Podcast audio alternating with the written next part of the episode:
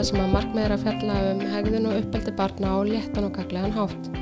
Ég heiti Helga og í þessum þætti ætla ég að spjalla um samskipti fóraldra sem að eru ekki saman, það er að segja í sambandi, sambúð eða hjónabandi en eiga saman barn og eru mögulega annað að bæði komi með nýjan maka og svona hvaða áhrif það getur haft á hegðun og líðan barna og hluti sem þarf að hafa í huga. Til minn í spjallið fekk ég þær Valgerði og Þórdísi og ef við bara byrjum stuttlega á því að, að heyra aðeins hver er Valgerður? Já, herði, já, ég er Valgerður Haldarsdóttir, félagsrákjafi, félags- og fjölskyldurákjafi. Ég er eiginlega kannski með tvo hatta. Ég er annars vegar að vinna hjá sjálfur mér. Það er að segja ég er með fyrirtæki sem heitir Vensl, en flesti þekkjar hún heitir stjúptens.is og stofnaði það fyrir nokkuð mörgum ári síðan. En ég er jáframt uh, sérfrangur um álutum badna og sáttamæður hjá Síslumann og Höfbruksæðinu. Þannig ég er í svona tveimur hlutverkum. Ok, en þe- þe- þetta sem þú varst að tala með stjúpteksl, er það þá svona stofa sem þú ert með? Já, já. Sem fólk getur leitað á þá? Já, það er ég með hérna ráðgjöf, fjölskylduráðgjöf fyrir pör og einstaklinga, svo er ég með kennslu fyrir fagfólk Ok, ok. og stjúpmaður og hópa og, og örnámski fyrir pör og stjúpmaður, ég svona sitt lítið af hverju. Er svona- Og svo ertu hjá síslumannum? Svo er ég hjá síslumann þar á móti. Ok. Já, En hver er Þórdís? Þórdís, hún er félagsákja líka, heitir Þórdís Rúnastóttir og er félagsákjafi og starfandi hjá síslimannum á höfuborgarsvæðinu. Ok. Ég er þar fagstjóri yfir sáttamæð fyrir sérfræðarákjöf og, og, og meiri hlutin af því sem við gerum í, í þessu teimi sem ég er fagstjóri er, er sáttameðferð í kjölfar sambúðarslita eða skilnaðar Ok. og eins bara sáttameðferð þegar að kemur upp ágreiningunum börn og það getur auðvitað verið hvenar sem er. Já, þó sem fóreldra séu langt síðan að þau voru. Já, já. Já. Akkurat. En ef við byrjum bara svona, uh, að, því að, við, að því að nú sagði ég á þann að, að hérna, uh, já, fóreldra geta átt saman barn, hvað sem við eru ykkur tíman saman eða hafa verið saman í ykkur ákveðin tíma og ákveða að hætta því og þá geta þá uh, eignast annan maka. Hva, hver myndi maður segja að vera svona einfald skilgreiningin á stjúp fjölskyldu? Þá barnið þar með komið með stjúp fóreldri. Sko, í raun og veru getum við all klassiska skilgreiningin er svo þegar annar eða báður aðlar eignast börn Mhm. með, öðrum, uh, með hérna ekki með lífræð, ekki með, fyrir ekki eitthvað aftur, Já. þegar annar eða báður fóldra barnsins eignast nýja já, Og það er þessi klassiska skilgreining, en síðan er skilgreining sem ég fann að notast meira við og við erum kannski að skoða líka hjá síslumannum, að við erum að skoða sko að að börn eigi stjúpfjölskyldu, við erum ekki að skilgreinda út frá heimi hinn að fullorðnu, heldur út frá heimi barna, er að börn eigi stjúpfjölskyldu ef annar eða báðir fóldrar þess eiga nýjan makka sem ekki lífræðilegt fólk til barsins og ef barni á hálfsískinu eða stjúpsískina vegna það stundum sko hafa barn verið í stjúpfjölskyldum þegar yngra barn sem ekki er samfæðra eða samæðra þá erum við komið stjúptengsl já.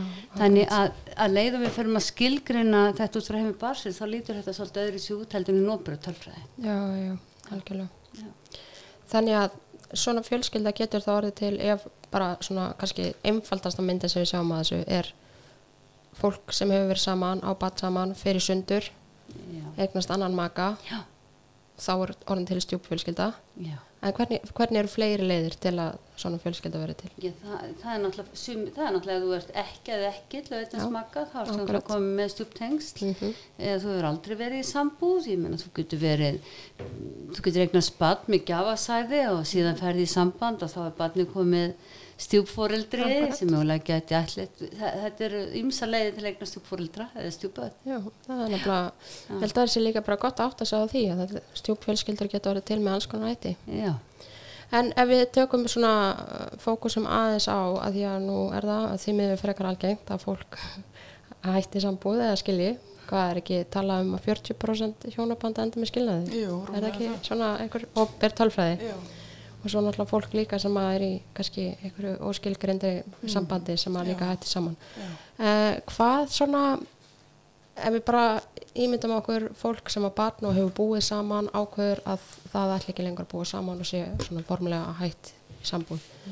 Hvenar í þessu ferli er gaglegt að barni viti af því?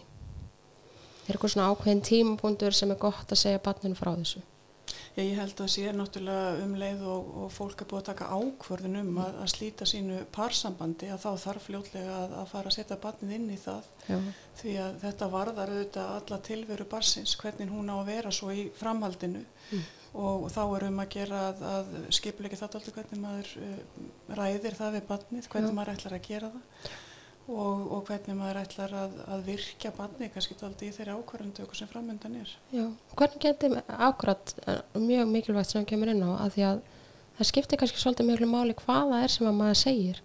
Er eitthvað svona ákveðni hluti sem maður þarf að huga því að barnið ok, það býr á þessu heimili með mömmu og pappa eða mömmu og stjúpappa eða hverja það eru sem er að fara í sundur þannig að það spyrjar ég fyrir eitthvað tvö heimili, tvö alveg nýja heimili eða er verið þetta annað heimili mitt og svo hitt nýtt heimili mitt, í hvað skóla ég vera allt þetta. Þetta er, það, er, það eru náttúrulega margar spurningar sem vakna. En það er nú kannski fyrst og fremst það sem að maður myndi byrja á er að um, um, ég gera barninu grein fyrir því að þetta sé ekki barninu að kenna. Já, að, að keipa svona álæginu tólda af barninu. Mm og, uh, og að gefa barninu svo svegrum bara til þess að sirkja og, og, og reyna átt að sjá hvað, hvað er að gerast það sem framöndan er. Og það sem barnið hefur kannski fyrst og fremst uh, þörf fyrir að finna eða upplifa er að, að í öllum þessu breytingum að þá séu samt foreldrarnir við stjórn Já. og, og viti svona daldi hvað þau eru að gera. Að maður þarf kannski að útgeisla því til þess að, að mýkja alla þessu upplifum barsins og kannski bæta við að við þurfum að geta sko, svara spurningu barnan eins og bentir inn á, við þurfum að geta svara verði í þessum skóla, hvað er ég heima hvenær hitt ég með með að pappa það er að segja að við séum ekki svo ákufi að segja barninu frá fullt á hlutum en við vitum ekki sjálf hvernig við ætlum að hafa þetta. Kannski er rosalega gott að staldra aðeins við og þess að byrja hvað við þurfum að geta sagt barninu hvernig mun þeirra heimur líta út. Þetta er komið til framkvæmda. Já. Og kannski skiptir líka máli í þessu að, að hérna að því að stundum hefur maður heyrt að börnu upplega og þau verði að vera með öðru hverju fóreldrunum sinni í liði þú veist þetta er gerast að því að mamma bla eða að því að pappi bla skilja þetta sé öðru hverju fóreldrunum að kenna að það kannski skiptir máli að taka fram að þetta sé sameili ákvörðun sama hvernig séðan þetta var. Já. þegar hversu gaglegt er fyrir barnið að vera inn í einhverjum ágreiningi á milli fóreldrunum Það er auðvitað gríðarlega mikilvægt að barnið þurfi ekki að upplifa ekki að það þurfa að standa með öðru fóreldrinni gegnum, gegnum skilnað. þannig að þetta sé í rauninni svona mamma og pappi ákveðu að þetta það sé betra að þau fari í sundur Og gera barninu grein fyrir því að mamma og pappi verða áfram fjölskylda barnsins Akkúrat. þó að þau velja að fara í sundur. Já, Þá er akkurat. þetta ennþá mengið fyrir barnið, þetta er ennþá fjölskylda barnsins þó að þau velja að slíta sinu barsambandi. Akkurat. Hvað myndir þið segja að vera svona algeng viðbröð barna við, við þessu bara svona kannski breytingur á hegðun og líðan fyrst eftir að þau heyra af þessu? Sko það er auðvitað, sko fólk þarf að gera sér grein fyrir því að skilnaður er ekki, ég fyrstulega ekki það endilega sem að skadar börn. Þannig að skilnaður getur í einhverjum tilveikum verið léttir fyrir börn. Þau hafa væntanlega sjálfnast farið varhluta af því að það er eitthvað neikvætt í gangi og eitthvað erfitt. Það er einhver ágreiningur og Það er einhver ágreiningur og, og hann er jafnvel mjög sínilegur fyrir barnið Mhm. og þá getur verið ákveðin léttir fyrir barnið að, að það sé búið að taka þessa ákvörðun. Mhm. En auðvitað er skilnaður sorgarferðli fyrir alla sem að, sem að í því lenda og, og, Mhm. og það, verður, það ferðli verður bara að fá að eiga sér stað. og maður virði það bara að þetta sé erfitt Maður verður það að þetta sé erfitt en, en, en, en það er líka bara misa hvernig fólk fer í gegnum svona ferðli og maður þarf auðvitað að mæta því kannski eins og þræðirni spin, spinnast hjá hverjum og einum og, og, og, og þar getur börn verið ólíka alveg svo einu fullur. Já, akkurat. Já, svo náttúrulega eru fóröldunum í stemdir, annaði kannski vill hérna skilnaðin ekki hitt og, og hérna þannig að, að það er eins og þórti segja þetta sorgafyrli fyrir í gang, mjög eðla, þau geta orðið svona ákveð afturkvarf, harða piss undir og vilja sofa upp í og Já. vera rellin og svona, en, en hérna, en við þurfum svolítið að hafa úthaldið. Og þú varst að spyrja, það er líka þetta, hvernig gerum við þetta? Það er að hafa hagsmunni batna sinna leðaljósi, er í rauninu verið að geta sett sína tilfinningur ákveðing til hliðar. Akkurat. og gert það sem eru barninu fyrir bestu, ekki að ég sé að losa einhverja reyði gagvart pappi eða mömmu einhverstað annars þar eða gagvart barninu. Og þarfir barnana í þessu ferðli eða fleiri neitt barn, þær, getur verið misjafnar. Þannig að þú þarf bara að vera alltaf með putan á púlsinum sem fóreldri hverjar raunverulega þarfir barsins eru í þessu ferðli og reyna að mæta því eins og hann skynsalega náttum allt er. Já, akkurat. En, en svona þegar að því að stundum er það þannig að börn veit af þessu og svo líður einhver tími þangað til að það kemur þá eitthvað svona fast form á til dæmis uh, pappi flyttur í annað hús og það verður einhver ákveðin fyrirkomuláði hvenar það er hjá mömmu og hvenar það er hjá pappa Mm. uh, er, hef, hefur það eitthvað svona ákveðin áhrif á hegðun og líðan Það þessi breytinga úr því að Já. sko vera fjölskylda sem að býr í þessu húsi og þú veist af því að mamma og pappi er að fara í sundur en svo líður eitthvað tími og svo verður, verður allt í einu þessi viðbrið það sem að þetta er Já. orðið kannski svona skýrari mynd fyrir sérstaklega litlum börnum Ég held að sé engin vafi á því að, að börnin finna fyrir breytingunni.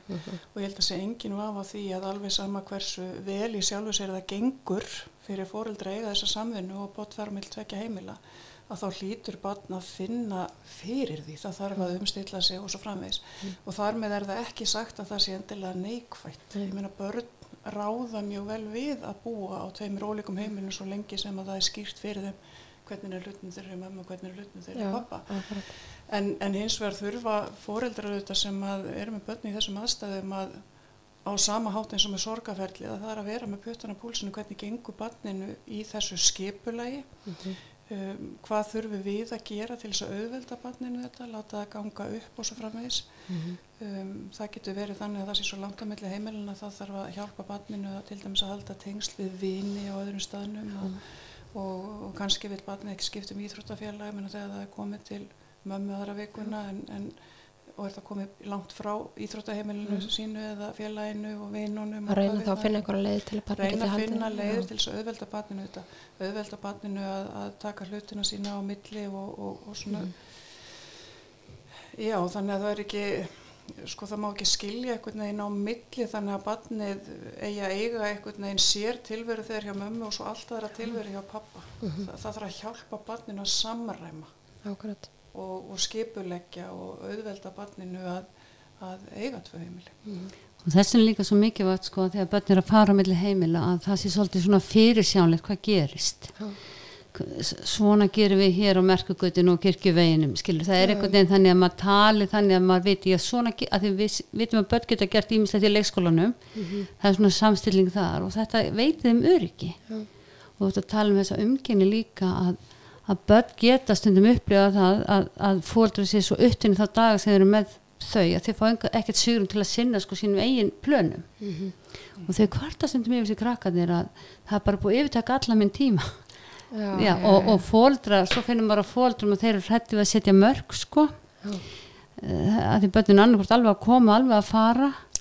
Þannig að það þarf að kenna fóldrum að hvernig geti verið gott fóreldri á sama tíma ég get sett heilbri mörg Já, akkurat. Já, að því að svo er maður kannski líka pínur hrættur um að, að ef ég set þessi mörg en það er ekki verið að gera það á hínu heimilinni að þá verði ég einhvern veginn leðilega fóraldri en ekki Já. hitt og svoleiðis hlutir.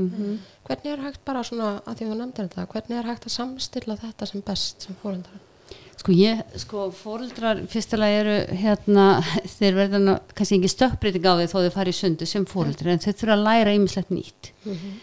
En ég held einhvern veginn að maður þurfi svolítið að hugsa þetta hvernig get ég áfram verið þetta myndu af fóreldri þó að ég sé orðin einhlift fóreldri af því það er svo mikið sem við erum að gera sem einhlifi fóreldrar sem hafa áhrif á aðlöðin í stjúpfjölskyldu síðan mér og ég sé alltaf, tök, gefum barninu tíma leður gefum barninu tíma, barninu tíma skiplaðan tíma einhvern veginn þá er auðveldra að setja þeim mörg og það er einmitt það sem við vorum að tala um í síðasta þætti það voru svona gæðastundir með fóraldrum já, og- já, bara og ég reynir verið það er það sem, sko, það er það sem þau þurfa.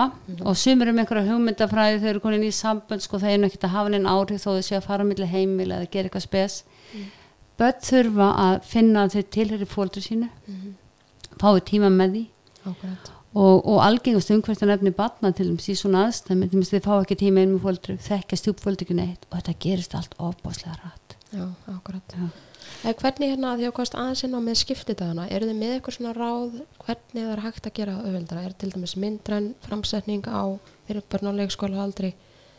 Stundum er það, en áður en við komum að því þá langar maður þess að segja, koma tilbaka að því sem við vorum að tala um áðan, að, að talandi um það að fóreldi getur verið hrætt um að setja barninu sinu mörg og, og að upplifast sem leiðilega stranga mm. fóreldri og svo framvegis. Það er þess vegna sem fóreldra samvinnan verður svo mikilvæg. Við þurfum, eða fóreldra þurfa að geta stutt hvort annað í að vera besta útgáðan að sjálfu sér. Og, og þau meig alveg vera ólík. Það er engu barni greiði gerður með því að, að þegar að mamma setur eitthvað mörg að pappi tali það eitthvað niður. Nei, akkurat. Þú, þú, þarfst að styðja barnið í eigast tilveru. Þegar ég er að tala um að styðja barnið í eigast tilveru og skipulagi þá á ég við þetta líka. Mm -hmm. Fóreldarsamina skiptir þarna gríðarlega máli því að þú vilt ekki standa uppi með, með úling sem hefur allir stannið upp og hann getur verið svona manipulerandi á milli fóreldra. Mm, akkurat. Þannig að fóreldarsamvinan er algjört kjarnatrið þarna. En varandi framsetningu á tilhugun umgengni og útgáfur af því að þá er það allavega á stundu þar maður að, að þegar maður er með mjög ung börn og er að ræða við þau hvað mm. þau vilja mm -hmm. að þá já stundum er maður að teikna upp og, og, setja upp myndrænt og, og allavega bara það sem virkar það reynum við að nota. Mm -hmm. Það hjálpa líka stundum sko fyrir sumböðn er þetta ekkert mál þeir fara bara á milli og finnst þetta alltaf aðeinslega gaman og allt. Mm. Önnur eru bara mjög kvíðin -hmm og, og það er mjög gott til dæmis að, að vita hvað verður. Já. hvernig mun helgin líti út eða hvernig mun vikan líti út. Og þetta er líka gott áttur í stjúpfólkturna að vita þetta. Já, og hérna, stundu hjálpa líka til að ræða deginum áður. Heru, ég kem hérna morgun og sækja því í skólan og svo fyrir við í sundi sem við gerum alltaf fyrstum eða eitthvað sko. Já. þannig að maður svona talar því svolítið inn í þetta. Mm -hmm. þannig að þið viti hvernig líf mitt lítur út. Já það er ofsalega mikilvægt og ég held eins og þetta nefna það mikið þetta upp mm -hmm. en sko við þurfum náttúrulega aðstofa að krakka við að fara mellir heimila þið verða mjög þreytt á þessu ferðartaskulífi mm -hmm. og sjálfsögðu er það svolítið ábyrð okkar fóröldrana að, að gera þetta eins einfalt og hægt er mm -hmm. og það er einmitt mikilvægt það sem þú ætti að segja að, að þau geta haft gott að því að vita hvað er framöndan og þegar við komum heim til mhm. pappa með hvað er að fara að gerast en að samanskapi er líka mjög mikilvægt að það er fóreldri sem er að senda barnið að stað frá sér. Mm. að það sé líka upplýsandi við barnið um að ég er búin að segja mömmu að mamma veit af ammalinu sem úrst að fara í velkin þannig að það sé ekki ábyrg barsins það sé ekki ábyrg barsins að, að, að fara yfir þetta og minn, ég hef heyrt börn segja þú veist ekki hvað ég þarf að hugsa mikið. Mm.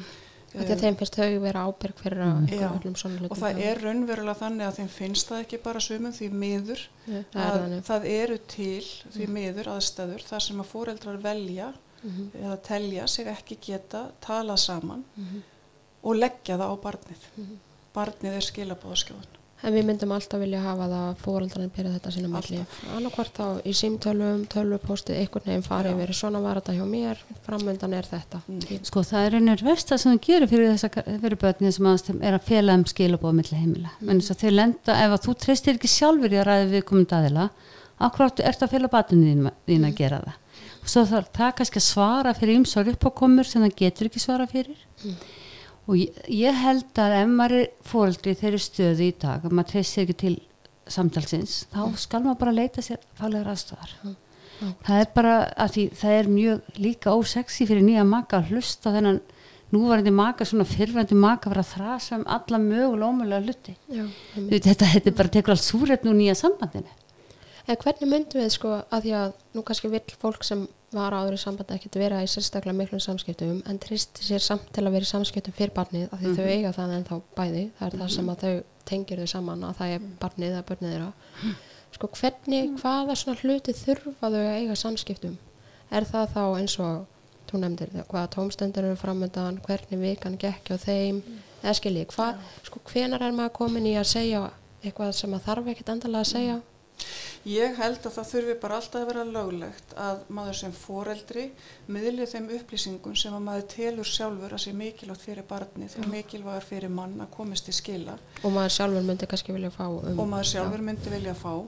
Það getur vel verið að, að hínu fóreldrinu finnist þetta óþorfi og náratískar upplýsingar og eitthvað svolítið sem það verður bara að vera svo. Ég held að mm. hver og einn verði að hafa mm -hmm. það svigrum eitthvað neginn eða það bestaleifi að, að gera eins og hann telur best. Mm -hmm.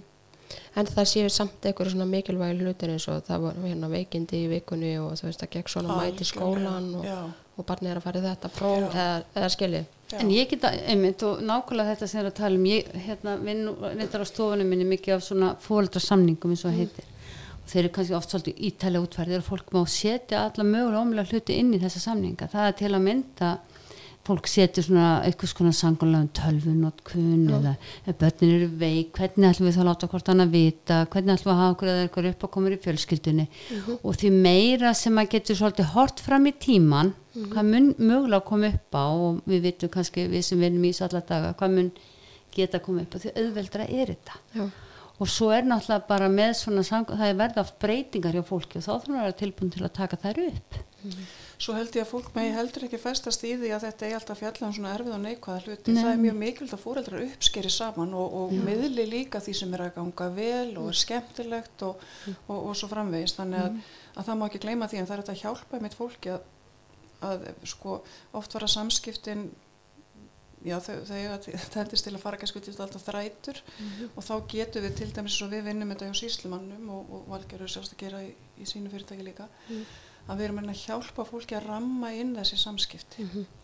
Og, og einmitt að ávarpa það setja orð á það einmitt að það eigi að vera leifil, hvað á að vera löglegt í okkar samskiptum?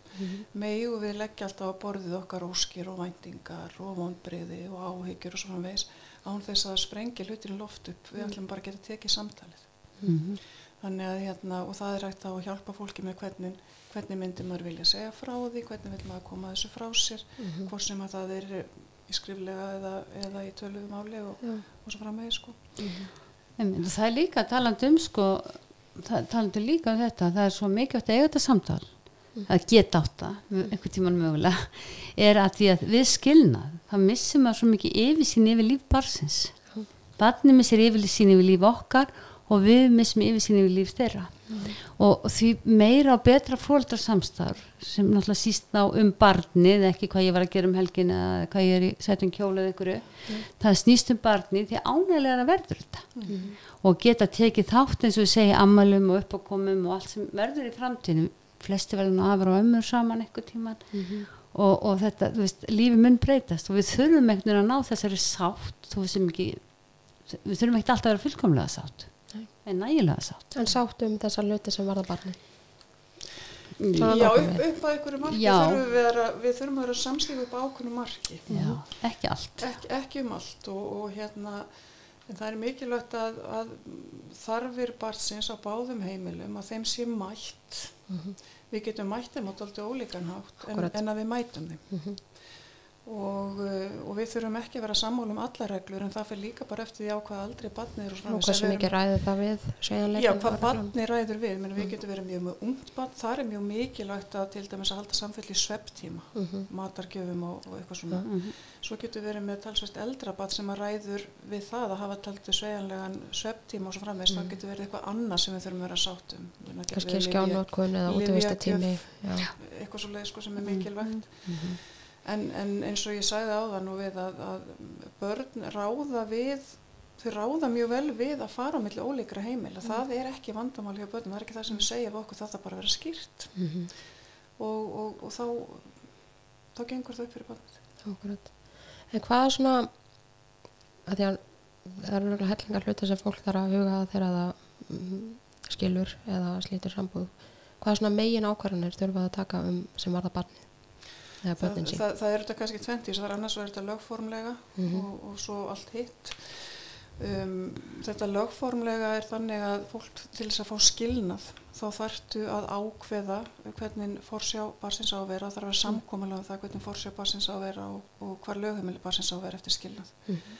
þegar það er samkomulega um þetta þá getur skilnaður gengið í gegn ásand auðvitað fjárskiptum og, Mhm. og því alls saman Mhm.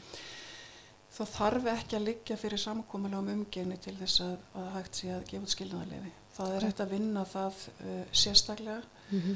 og það er líka mjög praktist því að það veit svo sem engin alveg hvað hann er að fara út í varðandi það hverjar eru barsins þar því að barni á eftir að reyna sig Mhm. kannski að prófa nokkrar útgáfur á umgengnisfyrirkomulega áður en að hægt er að lenda því. Mhm.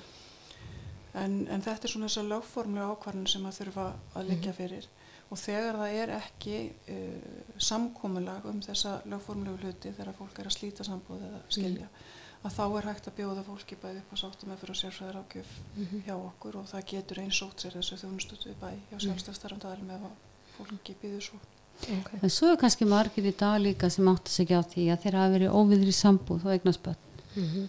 og maður reykur sig svolítið á það að það þýr þá að móðurinn fer yfirlt einn með forsjöbarsins og lögheimilið þess fæðinni skráður einhverstar annar staðar og þetta getur verið gaglít í ákveðin tíma. Við erum að tala um barnabætur og þess aftar en svo kannski átt að margir feður sig á, eftir á. Byrju, heyrðu, ég er bara ekki forsöðu barninu mínu. Ég, og, og þetta er margir sem er kannski svolítið að reka sig á í dag nokkrum árum síðar þegar sambóðslut verða. Þannig að fólk er kannski ekki alltaf alveg að hugsa fram í tíman Nei, ok. eða tryggja sig. Og, og þá kemur kannski svona umræðu mömmur á öllu en það er, það er kannski ekki alveg, alveg þar. Fólk hefur tekið einhvern veginn það ákvörðun að skrá sig ekki saman í sambúð að það þýðir það að þetta er staðan sem upp kemur þegar fólk er Já, slítið sambandi þannig átta kannski ekki, átta sig ekki alveg á því. Nei. En varðandi forsjóna þá er það megin reglan í íslensku löggjöf að foreldrar fari uh, áfram samæli með forsjóbarna sín eftir sambúðarslit eða, eða skil, kjörfa skilnaðar. Akkurat. En er eitthvað að því hún nefndir hana með umgengnina, Mm. er eitthvað svona eitt uh, umgengnis fyrirkomulag algengara en annað? Því nú heyrir maður að vika, vika sér það svona frekar algengt. Mm.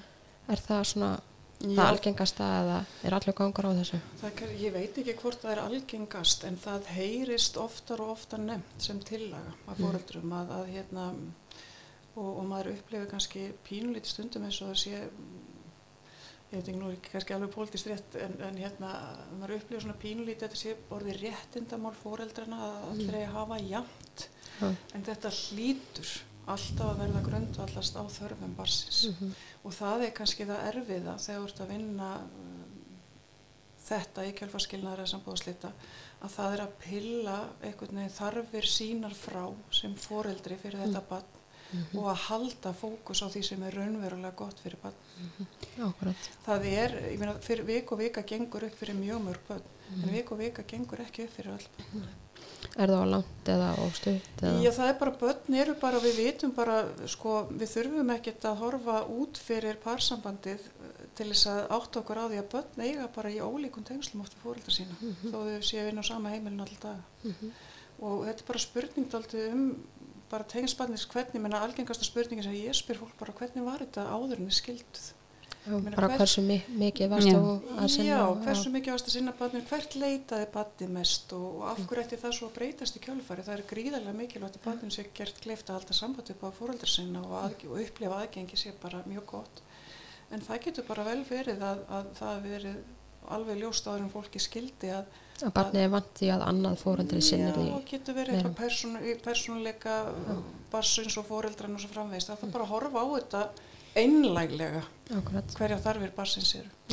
Já, það er ekkit, sko, ég vil þó umræða viku viku sé bara ágætt og allt í lagi, við þurfum að skoða það, en það er ekkit, það er það sem fólk heldur það eigi að byggjum, en Já, það, já, já, já. Það, það, það er eitthvað svona rétt að gera það, en, en svona mín tilfinning er að, ég hef nú gert svona smákannanir á því að það er ekkit endilega öll börn eða einhver helmingur, það er meira svona, þetta virðist vera meira að fólk haldi það sér réttara heldur en að sé raunverulega í aðstæðanum.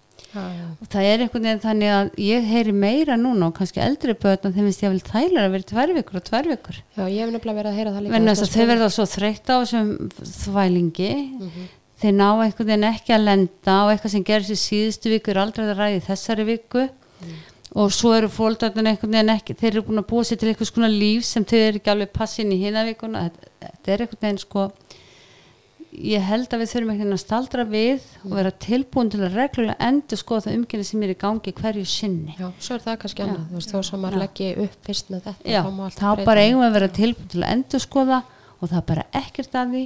Og svo er nú þannig líka við verðum líklega fóldrar að batna alla æfi og það sem að finnur reyndur oft oft hjá þessum börni sem er að fóldra tveimur heimilum, það liggur oft einhvern veginn meira á því að þeir verði fullorðin að sjá um sig sjálfur sko.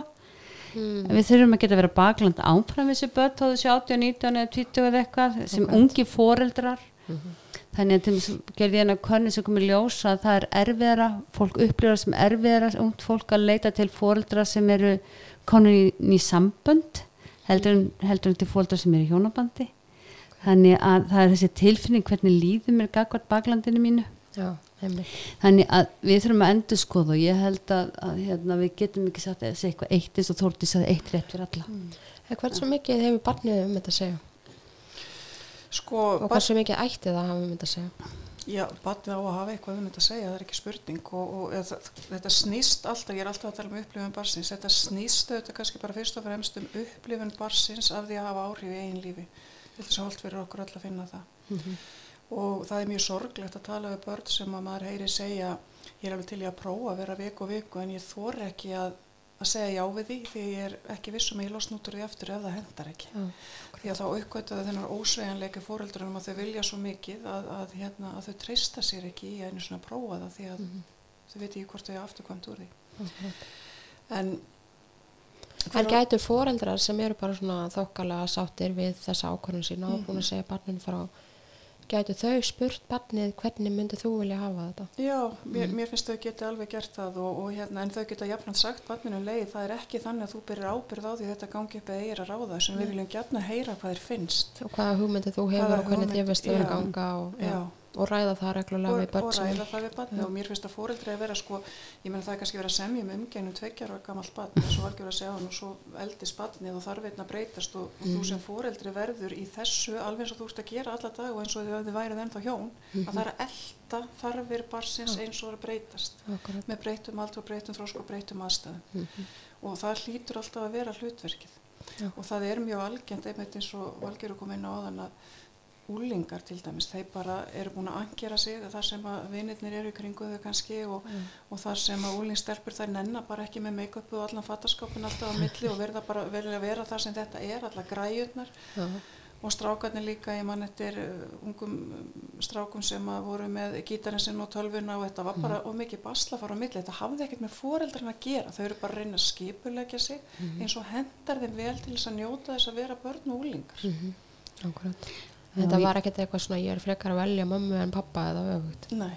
Nei. Svo heldur náttúrulega flesti fólk sem er að fara í gegnum skilin að hafa ágjör á börnunum sína. Mm -hmm. Það er nummer 1, 2 og 3. Hvað verður um þau? Mm -hmm. Og það er bara mjög öðlar áhugjör. Mm -hmm.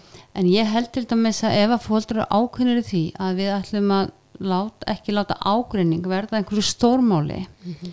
og við tökum þá ákveðnum ef við náum ekki að tala saman þá leitum við okkur bara aðstóða. Við fylgum ekki börnunum okkur að fara í nýta mál mhm. Ef við erum að höra í nýjum sambund leytum við okkur bara ráðgjafar það, veist, það, það er bara svona ef við þurfum eða bara tölum við reynslu mikið fólk einhver staðar mm -hmm. eða tekur þessu ákunni upphafi mm -hmm.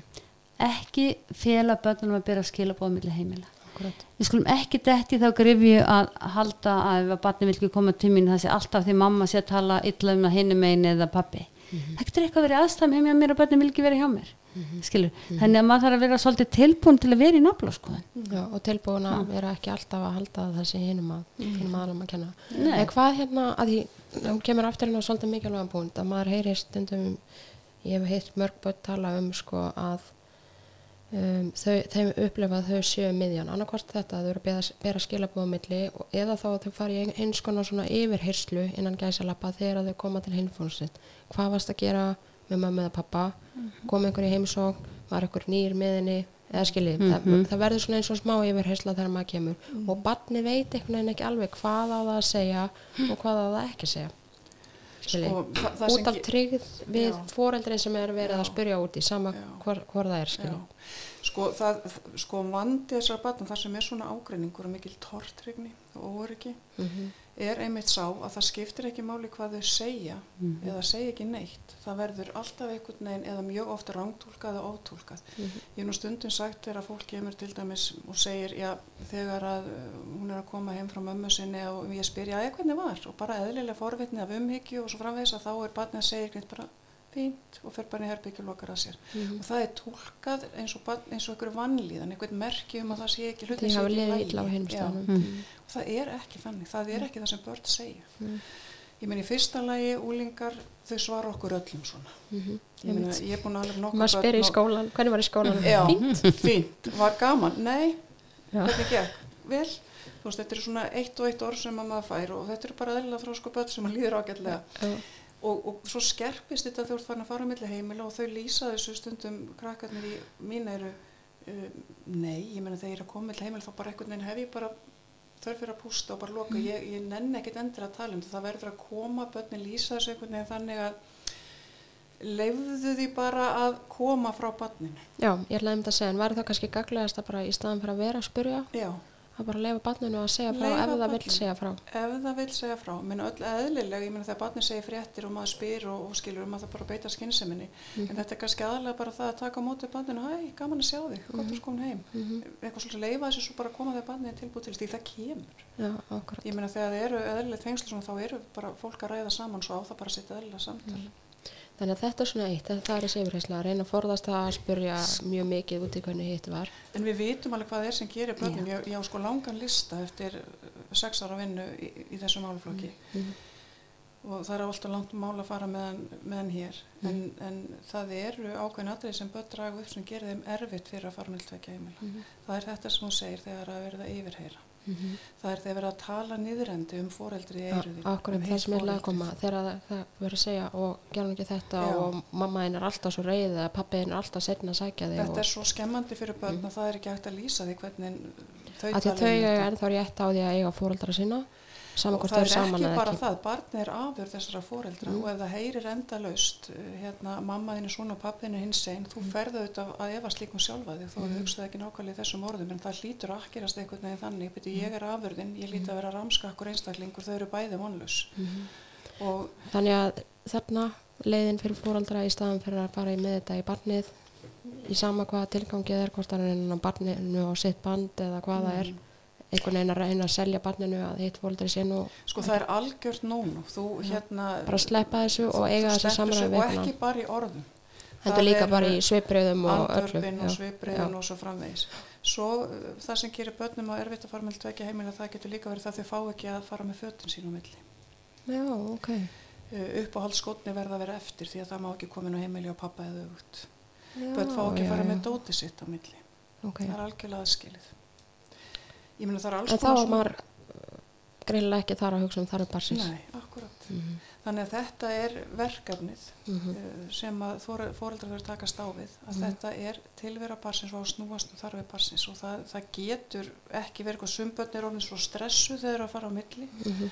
Að, að ég verð börn lýsa því að þau fara vandlega yfir að guð er í nokkuð í sokkonu sem mamma kefti því það má ekki fara til pappa eða guð ég get ekki farið í þessari peysu er í nokkuð í einhverju sem að pappi kefti því það má ekki fara til mömmu Og þá er að gera stressast þetta sem að er erfitt fyrir öll börn í grunninn en þá erfiðara fyrir. Já, og sum börn hafa meira að segja upplifa það að þau eru að fara á milli heimila og þau eru tekin inn, uh, í, inn á heimili hjá mömmu eða pappa.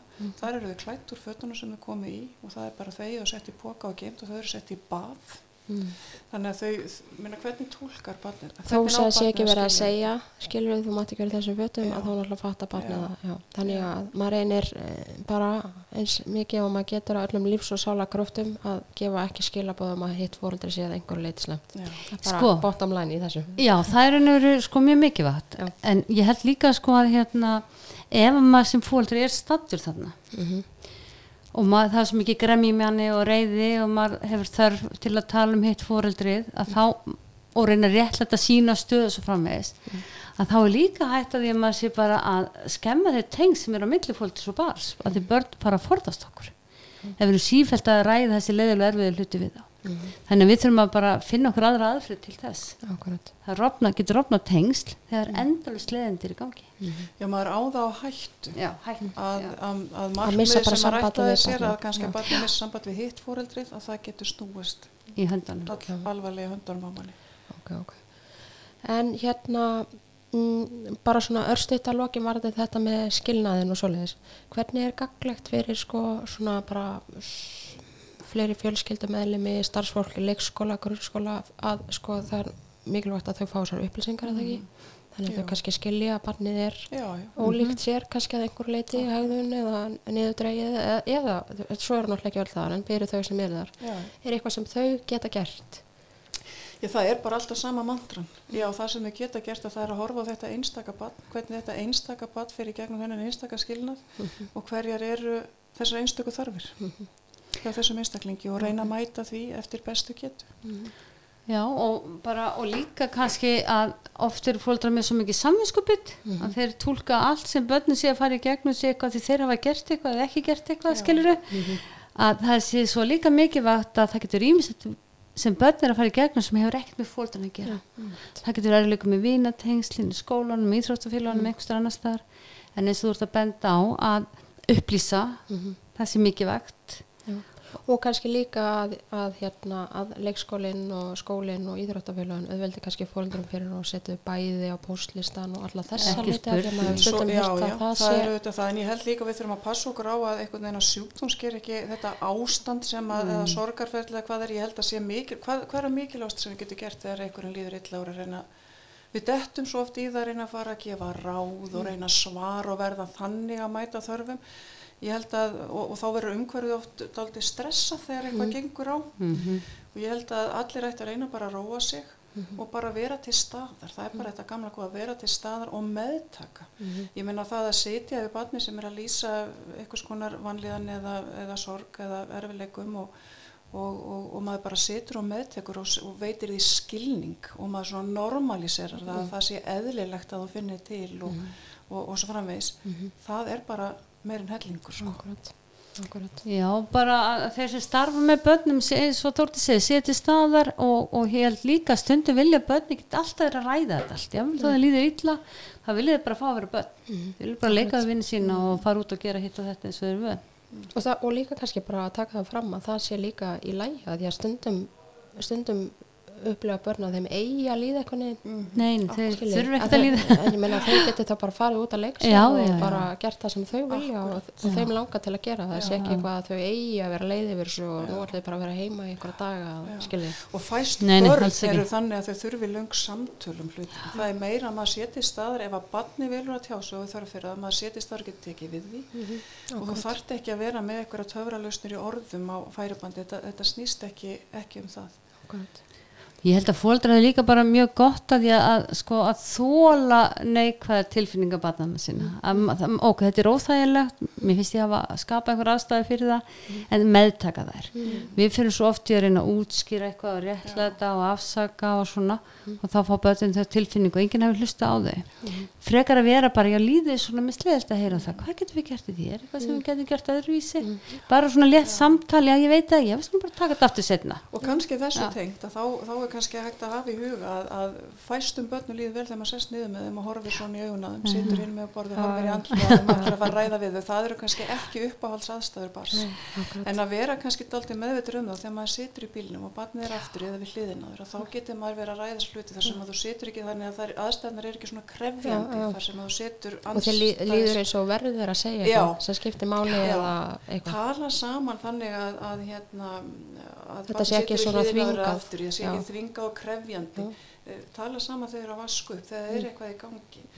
Og, og, hérna, og eins þetta með kannski sorgin og vanlíðin að velja ekki tíman til þess að raukraði barni þegar það er skollið á myrkur eða barnið er komið og lagst á kottan og svo framvegis, það má, það má veita því áhörni segja svo, svo skulle við tala um þetta á morgun. Já, bara takk fyrir að segja mig frá þessu núna.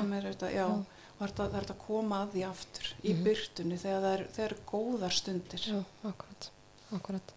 En svona að því að við vorum aðeins að tala um aðan hérna stjúpfjölskyldur, uh, segjum sér svo að fólk sé skilið og svo er, er það hérna vantarlega að fara að eignast nýjan maka. Bara svona e, fyrir þá sem að eru ekki komnið þangað en munum kannski setna vera í þeim, þeim aðstæðum. Uh, hvernig er svona gaglegt að kynna nýja maka fyrir börnum? Já, sko, flestir farin í sambundu, skulum bara segja Já. þegar. Ok. En hérna, sko, annað sem maður þarf að hugsa, fyrstulega þurfum við að hugsa hvernig er líf okkur sem einhleift fóreldri. Að reyna að halda okkur svolítið, þú veist, að kenna börnum eitthvað kurtesi, hvernig er að koma inn í mitt líf með þessu barni hérna. Það er nummer 1, 2 og 3 og við höldum okkur svona á fullunum staðnum. Við förum ekki einhverja mikla vínóttu bara og með vera fyrir hendi að kynna ekki fólk inn í líf batana fyrir við erum svona nokkur við sjálf vissum að þetta sé einhver aðeins sem ætlar að stoppa hérna. Ok, mikilvæg að er þetta bara einhver? Já, þetta er nú skemmtilega náðungi að skvísa eitthvað hérna, byrja ég að hafa hana hérna eða, og börn sko, áttum okkur á því. Ég var nú að tala við eitt barn um og pabbi búin að eignast þriði kæður svona, æ, ég nennilega að kynast en hún, og hún var ekkert að hlusta á hana skilur og, og pappanum fannst hún einhvern veginn vera svona hins en ekki nú almennilega við þess að nýju kærustu hérna og eitthvað og hún sagði, "Guð, ég veit ekkert hvað verður lengi hérna þessi kona. Og það er þetta veist, það er þetta sem maður þarf að hugsa að, er þetta einhver manneska sem ég ætla að hafa í lífi barnana annað sem er hérna líka að, að sko að búa til tengsli í að því það er einmitt það sem ég langaði að Já. hvernig getur maður svona reynd eftir fremsta magna? Því að þarna verður maður vantalega sem fóreldri líka að skilja að, að, að sum börn eru kannski bara ekki alveg til í þetta nei, og þau eru kannski bara daldi reið yfir því að, að það er að koma með einhver nýja konu þannig, mhm er það ekki? Jú, jú, ég menna, þeim finnst þetta að gerast mjög hratt og svo er bara allt einhvern, einhver mættur á svæði hérna og mamma og skotin eða pappi og það er nánast þau og ég veit ekkert hvað ég er í öll saman. Já. Sko, það er mjög mikilvægt þarna að fólk gefi barninu tíma. Og það er eina sem fólk getur gert þarna í slíkum að það er að krefast kurtis. Við erum kurtis, ég vil þó líka ekki við, við, við komandi bara eins og maður kennir börnum almennt. Almennt. já. síðan það sem, er versta sem gerist ef að, ef að stjúpfóldri hefur að reyna að kynast batnin og batnið er ekki tilbúið til að kynast þessi stjúpfóldri að það hætti bara. Skilur þið og svo kannski þegar batnið er tilbúið þá er bara einhver viðhór í gangi neða hann tala bara við mig þegar hann er tilbúin Já, já. og það líður kannski bara nokkru mánuðir eða ár þá til að sé einhver samskipti þannig að þá verður þetta bara svona eins og okkur gesta samskipti eða bara, Já, er bara engin- mjög íþingjandi aðstæður á heimili, þú sem móðir eða faðir, þú ert alltaf að reyna að vera á milli þess að tekja einstaklinga sem skiptir mm. mestu máli í lífinu. Mynda tengsl hægt og rólega. Börn sem er, og höldum bara áfram að bjóða, verður bara til staðar, stundum er gott að bjóða vini með ef mann finnst þetta íþingjandi eða einhver, einhver ættingja. Mhm. Númer eitt, við að þrjú, gerum til því það kemur í ljós, það gengur illa í stjúpfjörskildum. Það vantar oft þessi tengsl. Og það er ekki samstæður reglunar hvað er reglur henni í gangi? Hjá fóreldrarnu og stjúpfóreldrarnu já, mm það er og vantar stundum að skilgreina hlutverki sem stjúpfóreldri hefur. En mér börn oft segja ég veit ekki, ég vil ekki að hún sé að gera þetta Nei. mamma mín gera þetta en ekki stjúppappi já, og og barnið einhvern veginn svona veit ekki alveg nákvæmlega hvað er hún að gera. Á ég að ringi hana ef það þarf að sækja mig eða ekki? Já, sko þannig til dæmis svona dæmi um það að ég, mér finnst erfitt að byggja einhvern er ekki nóg tengt. Mm börnum finnst ég betra að fóldri skamma þau heldur en einhver sem min- minna nátengdu þeim þannig að það er ákveðin vísbendi þegar barn sér þú ert ekki pappi minn eða mamma mín. Þau eru bara að segja, heyrðu fyrir ekki, það er ákveðin hluti sem ég leiði fóldrum að gera en ekki öðrum. Og þetta er bara heilbrið mörg sem börn er að setja. Vi- ég myndi segja svona fyrir stjúpfóldrið farðu hægt að róla, þér finnst eitthvað að uppeldi bar sem srættu bara róla til fóldrið og feldu því að fylgja Gera. því eftir. Þannig að þú ert fyrst að koma í rauninni inn sem svona skemmti, skemmtilega ekkert en bara svona manneska sem er bara fullar af manneska sem þetta tengjast. Mhm. ég meina ef að þú hefur verið að tengjast kæristunum þínum og það eina sem hann leði til væri þegar verið að þrýfa hús og gerði eitthvað að viti hérna það var enga romantíska stundir skilur, þetta myndi bara ekki ganga. Og það er, það er sami börn að fara að ala þau upp frá fyrstu stund og þú hefur ekki umboð. Það var enga einnistæði og En má ég aðeins á mjög svo góði punktur sem að hún kom inn á og valgjör ráðan með það að, að, að það er hinn fullortin sem að byrja ábyrð á því einmitt hvernig eh, maður ætlar að draga þennan vakt þegar verið að kynna inn í hann aðeins og svo framvegis. Að, að það er kannski ekki bóði að, að maður segi, já, barni vill ekki tala við mig, við skulum bara láta það eiga sig og láta það býða og þanga til að barnið er tilbúið. Barni getur aldrei borið þessa ábyrð og þetta kemur, komum aftur að þessar spurningum hérna á barnið að ráða kannski einmitt, á barnið að ráða hvernig umgengnir á barnið að ráða hvernig þetta gengur fyrir sig? Nei, barnið á ekki að ráða því en þá ekki að fara fram með henni offorsi. Barnið ber ekki ábyrða þessu henni fullorðinu ber ábyrða þessu og henni fullorðinu hættir ekki að sína virðingu og tillitsemi og að reyna að útgeista reyna einhvern að tengjast barninu. Já, að barni finna þetta tilgang og, reyna að tengjast þessu, þessu barni sko. Þa, það hlýtur alltaf að vera ábyrðin ekki barni sem segir, heyrðu, nú er ég tilbúin að það mun ekki Nei, gera. Barnið á ekki að ráða því því að ég meina hver á að vera fyrirmyndin af því hvernig við höfum okkur í okkar fjölskyldu og hvernig við gerum hlutina, það er einu fullorð. já, og svo upplifir barni gjarnan ef við erum búin að búa hérna saman sem stjúpmæður í einhver ár og eða einhver tímabil og ég er hægt að tala við þig og þú ert hættur að tala við mig og svo Mhm. ert þú tilbúin að tala við mig og þá tala ég ekkert við þig skilur við þurfum svolítið að ræða og hlutur getur þróast hlutur stjúpfólksins getur þróast. Mhm.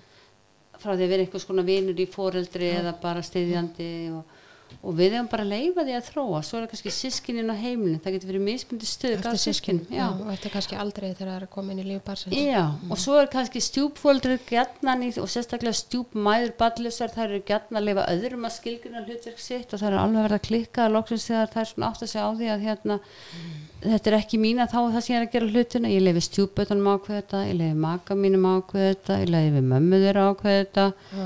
og ég er alltaf að þóknast öllum Mhm. en svo kemur að því ég eignast barn kannski þá er enginn sem er tilbúin til að segja sér mín átt Mhm. þannig þetta verður svona þetta er nokkur svona ákveðin dýnumik sem það er bara að skoða En er það fóldreinsins og stjúpfóldsins að kannski reglulega að ræða bara hvar, hvernig þetta gengur hjá stjúpfóldarinn og banninu, hvar þetta er statt í, í ferlinu eða? Já, og líka auðvitað er það og það maður það líka bara að vera raunsær. Hvað er eðlilegt? Hvað, að hlutin taki tíma? Það getur vel verið, ég kom inn eitthvað heimili sem alveg, ég var kannski rosalega vel upp alveg börn sem byggja um allt og, og er mjög kurtis og ganga frá skónum í ganginum og svona maki minn og einhver börn sem gerir eitthvað allt öðruvísi. Og, og, og ég, ég er svona að nota mín börn sem fyrirmynd hvernig hennar börn eiga að vera eða hans og svo kannski að að ræða þetta hvað er rétt og ránt út frá rétt og röngu. Við þurfum að ræða þetta bara hvernig getum við samlað þessa hluti. Mm það er einhvern veginn ekki bara í aðráttina Nei, það er ekki bara að þau falli inn í þetta að Þetta að fylgja öllum þessum reglum sem að mínur er vun að gera Nei, að en svona- fyrir par er mjög erfitt að ætla sér bara að fara mína leið að þína leið. Þetta gerir flóknu stöðin í stjúpfélskun þegar við erum bara tvö. Þá getum við aðlaða svolítið og kannski stundum og stundum ekki. En þegar börn er á hliðalínni þau hafa fullt af skoðanum.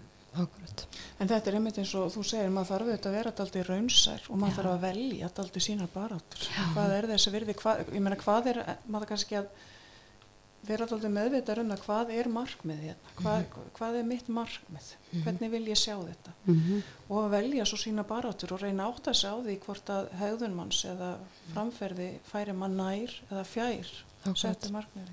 Akkurat.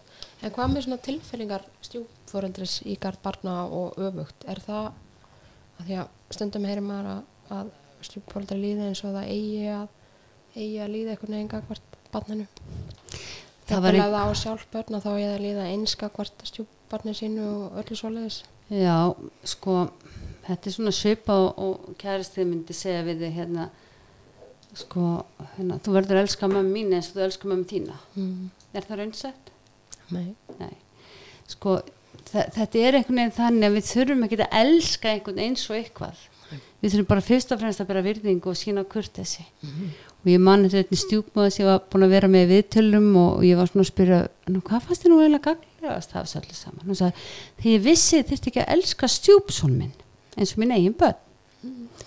Og ég segi já að því það gerði að verkum að hún var mjög góðan en hún var alltaf að dæma sjálfa sig fyrir líðan sín og tilfinningar. Leið og hún vissi hún þurfti ekki að elska hann og geti bara verið almennlega við hann. Það var þennan líf svolítið auðveldara. Og kannski þá eins með, papp, nei, eins með börn sem að það er komið hann að stjúpforeldri inn, inn í líf þeirra sem að þau langar kannski ekki að hafa. Já, og langar ekki til að kalla pappa, mömmu eitthvað, þau hljóttar á því. Já, og þá líka fyrir þau að finna að þau þurfa ekki að líta á þetta stjúpfóreldri eins og fóreldri sitt Það eins ekki. sjálfsögðu ekki. Ég meina, maður það er bara og þess vegna held ég til dæmis að það eitt að gaglasa sem við kennum börnunum okkar er kurtesi Mm. það er svo erfitt að mynda tengsl við ókurtesi einstaklinga. Þannig að þetta sé að þú veist maður hilsar og svara þegar maður er spurður og allt svo leis, maður getur ætlast til þess. Já, og það er líka til dæmis ef ég er vönn því að börnum mér segir mér bara reglulega, æ mamma þegið, út, æ góða veist, eitthvað og svona. Og maki minn, hann, hann er kannski bara "Bíddu, hvernig tala börnum til þín? Bara svona samtöl og ég segi, æ þeir eru bara vönu þessu. Þetta getur myndað mjög neikvað við þór gafur þessu börnum. Við spara alls ekki svona lítið litla hluti sem skipta svo miklu máli. Akkurat. alveg eins og ef, ef stjúpfóldur tala illa til fóldris þá taka börnum það næri sér. Og þetta, er, þetta virkar í allar áttir. Já, einmitt, Já. Uh, ok, þá held ég að við séum, er, er eitthvað svona meira sem að ykkur dettur í hug? Það er kannski eitt sem að mér dettur í huga þegar við höfum aðeins farið inn í hana það sem að það versta sem fóldrar gera þegar þau eru komin í sundur er þetta með yfirheysluna og tala illa um hvort annað við barnið og, og setja barnið einhvern veginn svona í miðjuna og þetta með skilabóða skjóðuna að barnið sé ekki skilabóða skjóða en segjum sér svo að það sé búið ákveða að barni eigi að fara til mömmu eða pappa um helgina. En foreldri stendur ekki við það.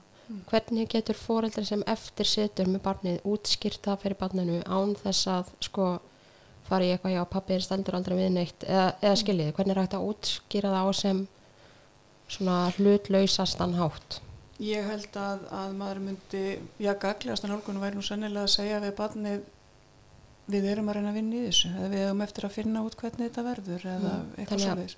mamma eða pappi kemur ekki að segja í dag eins og ég var búin að segja Mhm. þú veist, ég meina svo geta náttúrulega veikind en ég er að meina svona skipti það sem að fóliti bara í rauninni beilar innan Já. gæsalappa sagt að það afhendir ekki barnið í umgengni, ertu að tala um það? Já, Eða sækir það ekki? Hitt sækir það ekki eða. Eða hvort pabbi. heldur sem er, já, já. Já. Og þá er auðvitað líka bara mikilvægt að, að það er að reyna auðvitað að, að segja við, við munum ræða þetta við pappi og, og, og, og svo framvegis. Mm. En, en hérna, en það er til dæmis mikilvægt að segjum að maður sé fóreldri og, og, og löguminsfóreldri, barnið býr hjá manni og, og, og pappi eða mamma, mamma er að koma á seint eða koma ekki og það sé svona algjörlega svona veis.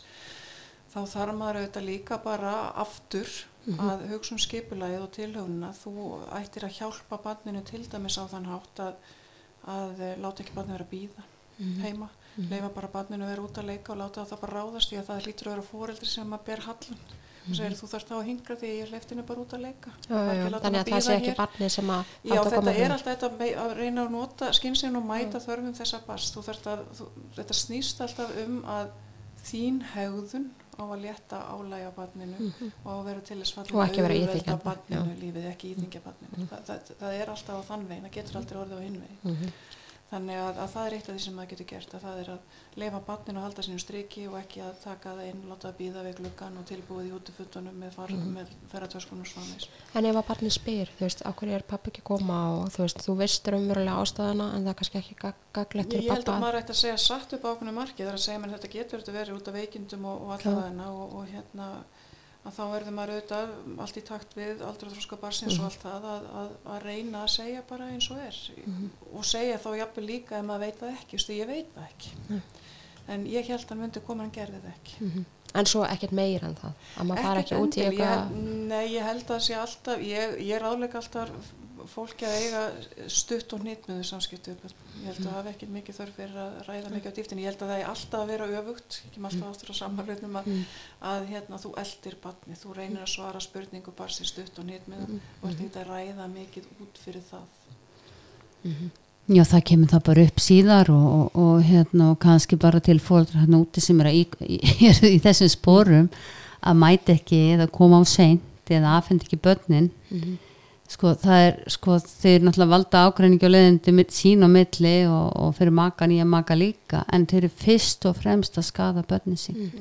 Það er nummer 1, 2 og 3 það getur vel verið að þú ert að hefna henn að því hinn gerir eitthvað leðilegt síðast.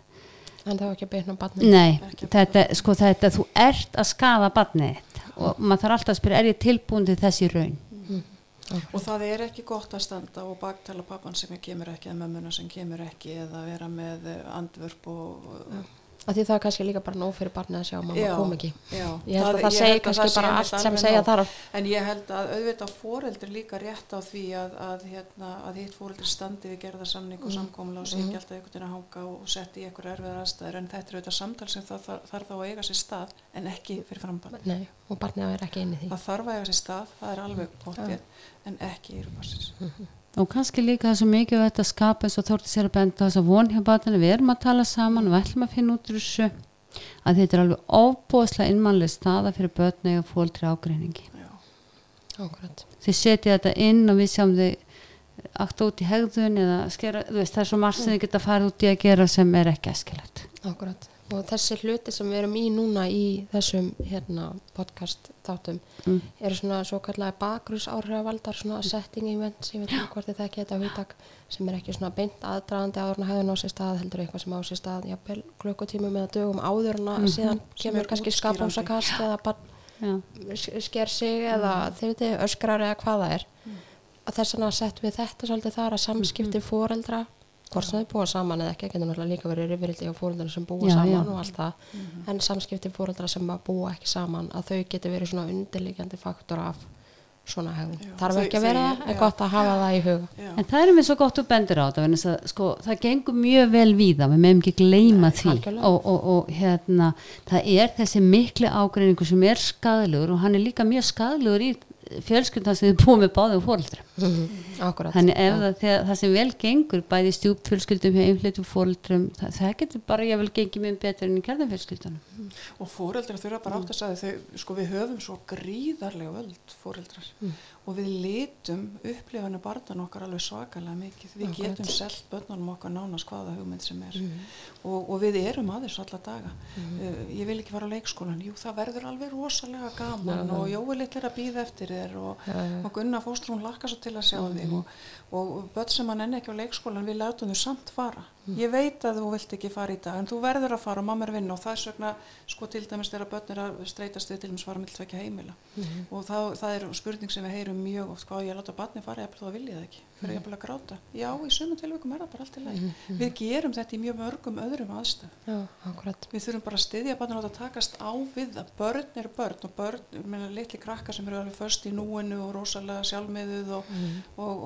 og og, og, og ekki hugsað sér að fara til pappa því þau voru að kuppa allt, í, skilur það, það getur verið eitthvað svona. Það er bara ekki nægilega góð ástæða til þess að vera ekki hjá pappa að þú vildir halda áfram að kuppa. Þú já, þarf akkurat. að hafa fóreldra færni og skinnsemi til þess að hjálpa barninu yfir þá þær hindranir. Mhm. Og fara kannski ekki svo við höfum rætt í að fara strax í að halda barninu líði illa á hinum staðan. Akkurat. Nefn að þú hafir mjög sterkar Ég vísbendingar segi að það er ekki tala um raunverulegar hindranir, heldur, heldur eitthvað svona, þá er þetta þitt hlutverk. Þú þart með hegðun þinni sem foreldri að að hjálpa barninu. barninu. Algjörlega. og ef þú hefur áhyggjur af því þá er það náttúrulega ekki annan að leita til barnavendar Já, akkurat. það og þá spyrir maður, ef þetta er það alvarlegt að þá segir fólk oft, já, nei, nei, nei þú veist, en Já. maður það bara að spyrja er þetta ástæði til eða hvað erum við að gera hérna Akkurat.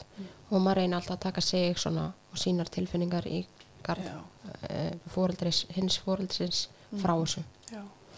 já, það er æskilegast Herðu, ég held við endum bara þessum góðu svörum. Takk kærlega fyrir komuna, báða tvær. já, Takk, fyrir að bjóða okkur. Og ég vil bara að lokum benda hlustendum á síðan okkar Facebook síðan að viðju uppeldsverni og uh, heima síðan uppeldsverni.is. Þanga til næst, bless. bless, bless